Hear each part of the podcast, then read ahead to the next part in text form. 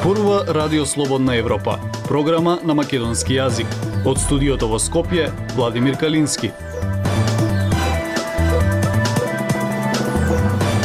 Почитувани ја следите емисијата на Радио Слободна Европа.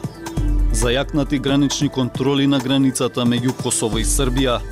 Следува жешко синдикално лето, јавниот сектор бара повисоки плати, Наталитетот во земјава продолжува да оди надолу. Слушајте не.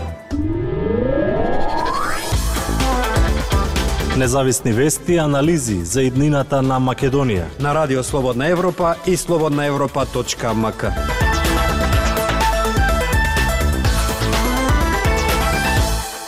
Владата во Косово објави дека е засилена контролата на границата со Србија. Косовскиот премиер Албин Курти бара итно ослободување, како што вели на киднапираните полицајци, ја повика меѓународната зедница да ги осуди постапките на Србија. Белград вели дека полицајците биле уапсени длабоко во српска територија. Премиерот на Косово Албин Курти на 15 јуни изјави дека Косово се уште дозволува српски возила да ја преминат незината граница, но ни зајакнати контроли. Заселените гранични контроли се прават, како што соопшти Приштина, по киднапирањето на тројца незини полицајци од страна на српските сили во северниот дел на Косово, населен претежно од етнички срби. На северот на Косово тензиите растат со недели околу поставувањето градоначалници кои се етнички албанци. Од безбедносни причини, како непосреден и необходен чекор, засилени се граничните контроли со Србија, со што се ограничува сообраќајот и се зголемува контролата на возилата кои доаѓаат од Србија, особено на товарните возила на патниот сообраќај, рече Курти на пресконференција во Приштина. Косовската полиција на 14 јуни соопшти дека тројцата полицајци исчезнале за време на патрола чија цел била да се спречи нелегална употреба на патиштата за шверц. Косовскиот министер за внатрешни работи ја обвини Србија дека влегла на територијата на Косово и ги киднапирала тројцата полицајци. Белград вели дека полицајците биле уапсени длабоко во српска територија. Српскиот председател Александар Вучик во разговор со представниците на Европската унија и земјите на Квинта понудил снимка од апсењето на косовските полицајци и тврди дека српските власти не ги малтретирале.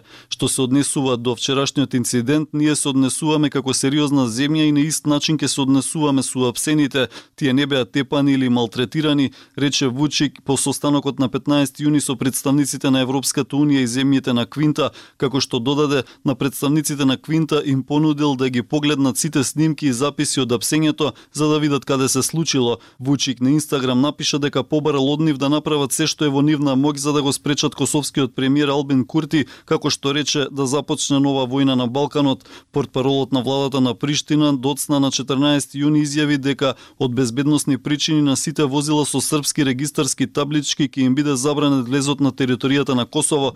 Дописниците на Радио Слободна Европа од теренот на 15 јуни јавија дека возилата со српски регистарски таблички се уште влегуваат во Косово, но само откако ќе поминат низ засилените контроли за време на заедничката пресконференција со министерот за внатрешни работи, Курти побара итно ослободување на тројцата полицајци и ги нападна мировниците предводени од НАТО бидејќи него осудиле инцидентот, велејќи дека е изненаден од молкот на Квор. Инцидентот се случи во време на зголемени тензии во регионот под нападот пред две недели врз силите на Квор и Косовската полиција во Звечан. Нападот се случи во време на судирите меѓу меѓународните мировници и србите, откако тројцата градоначалници, етнички албанци, ја презедоа функцијата по локалните избори што србите ги бойкотираа. Наши економски проблеми Ние разговараме за решенија на Радио Слободна Европа.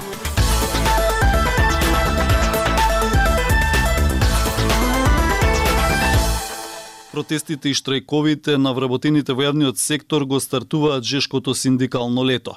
Последни незадоволство изразија вработените во Царина, во Управата за јавни приходи, судските административци. Предходно протестираа просветни работници и вработени во култура. Тие не сакаат да работат за подпросечни плати, додека функционерите добиваат повисоки плати. Пелагија Стојанчова Со затворени граници и неисплаќање на плати на вработените во земјава се заканија вработените во Царинска управа и во управата за јавни приходи. Барањата за повеќе пари стана особено гласни откако избраните и назначени функционери во Македонија во април добија зголемување на плати за 78%. Па така преседателите на државата на собранието и на владата имаат плата околу 2600 евра, а министрите по околу 2000 евра месечна плата. Според податоците на Сојузот на синдикати на Македонија. Повеќе од 96% од вработените во администрацијата и правосудството примаат плата под просечната, кој изнесува околу 570 евра. Функционерите, иако најавија дека ќе ги ревидираат одредбите со кои ќе си ги намалат примањата, такво нешто се уште нема. И додека зимаат плати повисоки за речи се 80%, најавија дека за барањата на вработените во јавниот сектор ќе се бараат систематски решенија. Тоа е клучно да имаме системско решение кој ќе гарантира статус, стандард на вработените во јавниот сектор, а воедно и ќе следи продуктивноста на нашата економија. Изјави министерот за финансии Фатмир Бесими. Вработените во Царинска управа на 16 јуни од 12 до 12 и пол часот ќе имаат предупредувачки протест. Тие бараат зголемување на платата од 30%.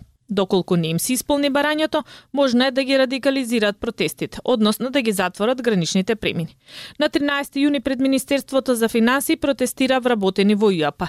и тие барат повисоки плати за 30%.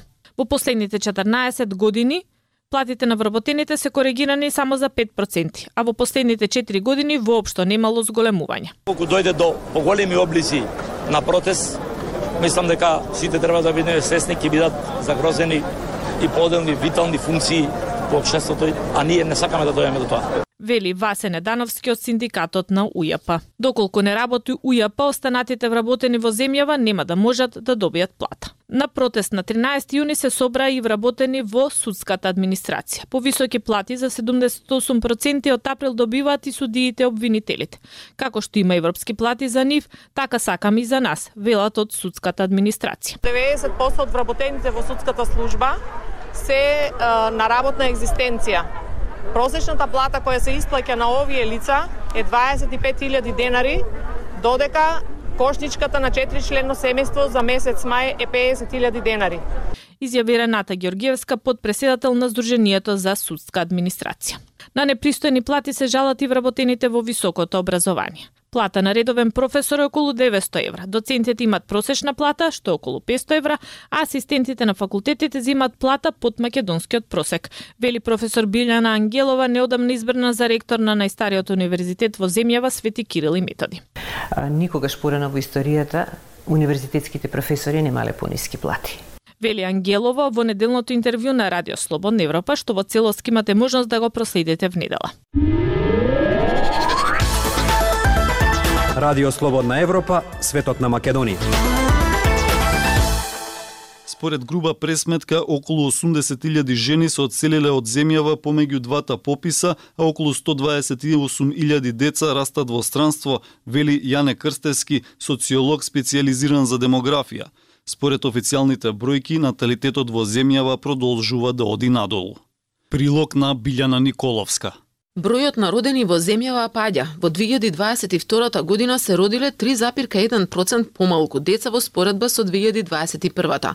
Ова го покажуваат новите податоци на Државниот завод за статистика.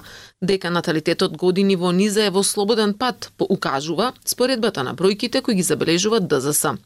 Според Јане Крстевски, социолог специализиран за демографија и советник за пописи на население, домакинства и станови во ДЗС, за падот на бројот на новороденчињата во демографска смисла, одговорни се два главни фактори – Првиот е промената во бројноста на женското фертилно население, кое во демографска смисла ги вклучува сите жени на возраст од 15 до 49 години.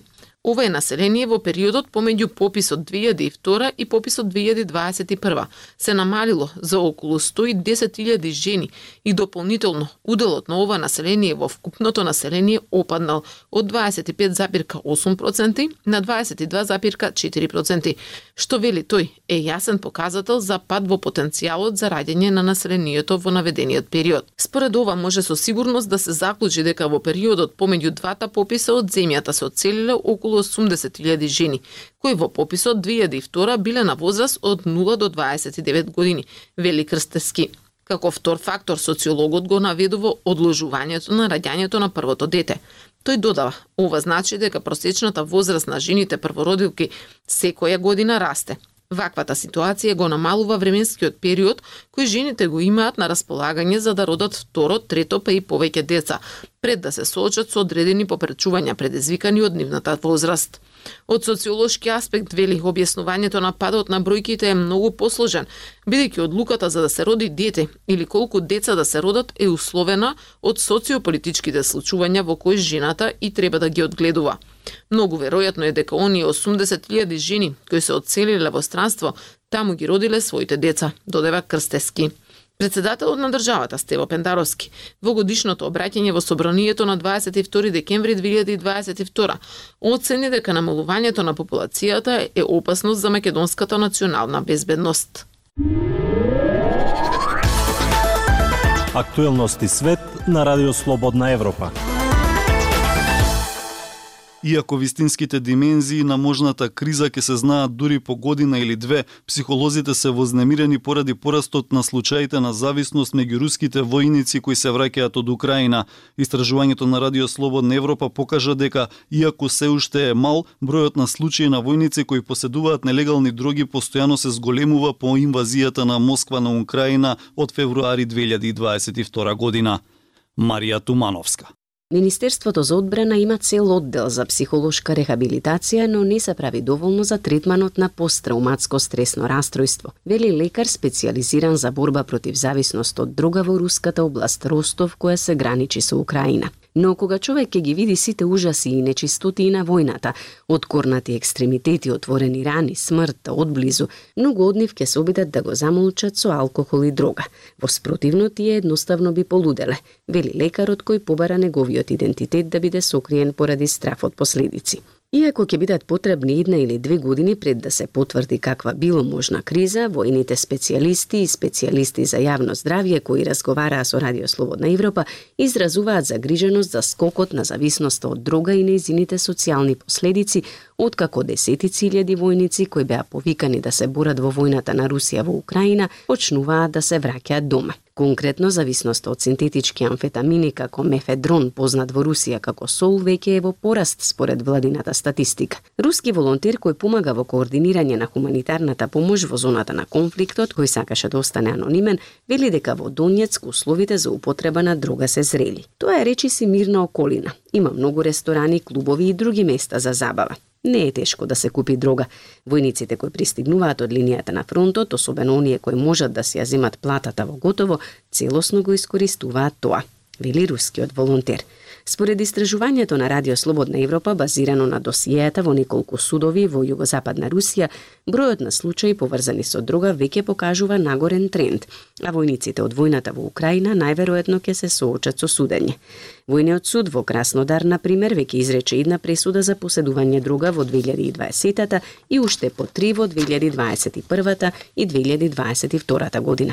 Во повеќето случаи што ги проучуваше РСЕ, судот ја намали казната откако го зеде предвид борбеното искуство на војникот и сите одликувања. Полскиот историчар Лукаш Камиенски, автор на книгата Кратка историја за другата и војната, вели дека проблемот со зависноста од друга меѓу војниците има долга историја. Студијата на Пентагон од 1973 година покажа дека дури 15% од американскиот воен персонал што се враќал од Виетнам бил зависен од хероин. Многу советски војници кои служеле во Афганистан развиле зависност од хероин, додава Камиенски, Имало и случаи на полицајци кои тргувале со оружје и муниција само за да добијат дрога. Во април страницата за истражувачки вести да Инсайдер, фокусирана на Русија, ги проучуваше коментарите што семејствата на војниците што се враќаа ги објавуваа во затворени групи на разговор на различни страници на социјалните медиуми. Забележав дека многу од момчињата што се вратија многу се променија, напишало едно лице. Друг пак вели, синот на некои наши пријатели се врати на почетокот на март. Тој е веќе мртов, од предозирање. Почитувани слушатели, тоа е се што ви подготвивме во оваа емисија. Од студиото во Скопје ве поздравуваат Владимир Калински и Дејан Балаловски.